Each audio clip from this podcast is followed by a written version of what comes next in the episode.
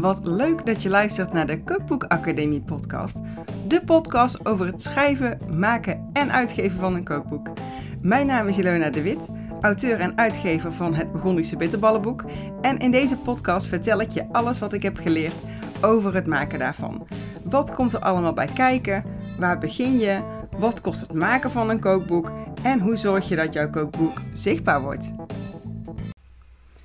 Hallo, hallo. Aflevering 6 van de Kookboek Academie podcast staat voor je klaar. Of tenminste, staat die voor je klaar, die ga ik nu voor je maken. Waar ik het vandaag met je over wil hebben in de Kookboek Academie podcast, de zesde dus, uh, is waarom de titel en de ondertitel van je kookboek zo belangrijk zijn. Um, is niet, uh, niet het eerste overigens waar je mee bezig hoeft te houden als je erover denkt om, uh, om een kookboek te maken. Absoluut niet, maar het is wel, uh, wel goed om het, om het toch nu al te weten en daar, en daar eens eventjes bij stil te staan. Want de titel en de ondertitel van je kookboek zijn namelijk metadata. En um, nou ja, dat is eigenlijk gewoon een moeilijk woord voor zeg maar, data waarop jouw kookboek gevonden kan worden. En omdat ik natuurlijk een eigen kookboek heb, uh, wat ik vaak mooi als voorbeeld kan gebruiken. En waarbij ik dus ook, uh, ja, voor mijn gevoel echt een fout heb gemaakt. Is, um, ik wil natuurlijk met het Burgondische bitterballenboek graag gevonden worden als mensen op zoek zijn naar een kookboek over bitterballen. Of misschien ook wel als ze op zoek zijn naar een kookboek over kroketten. Heb ik me niet heel bewust op, uh, op gefocust. Maar in theorie is dat natuurlijk hetzelfde. Het zou dezelfde doelgroep zijn.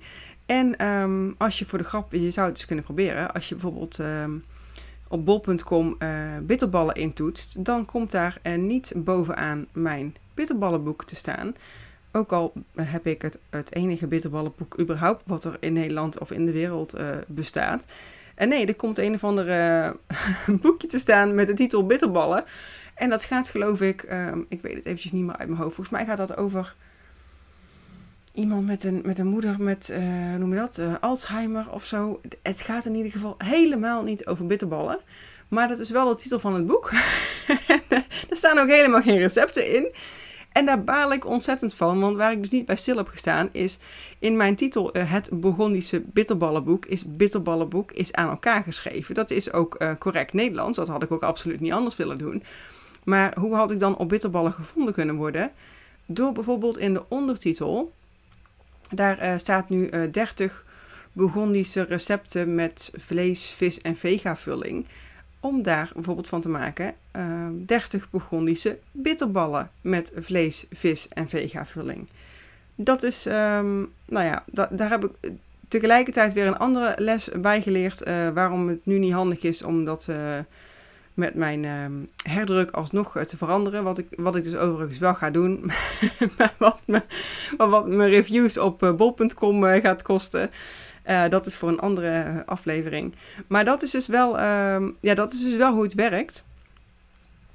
zeg maar, die titel en ondertitel worden via een bepaalde databank, zeg maar, naar al die, ja, al die online winkels en de, en de aansluiting bij Centraal Boekhuis gekoppeld. En daar word je dus ook op uh, gevonden, of juist niet. Dus um, ga ook vooral niet, zeg maar, uh, of jij moet echt een hele grote directe afzetmarkt hebben al om jouw boek te verkopen. Maar ga dus niet een of andere titel bedenken die gewoon heel grappig klinkt en waardoor mensen geen idee hebben uh, waar jouw kookboek over gaat. dat, is, ja, dat is dus niet handig om te doen.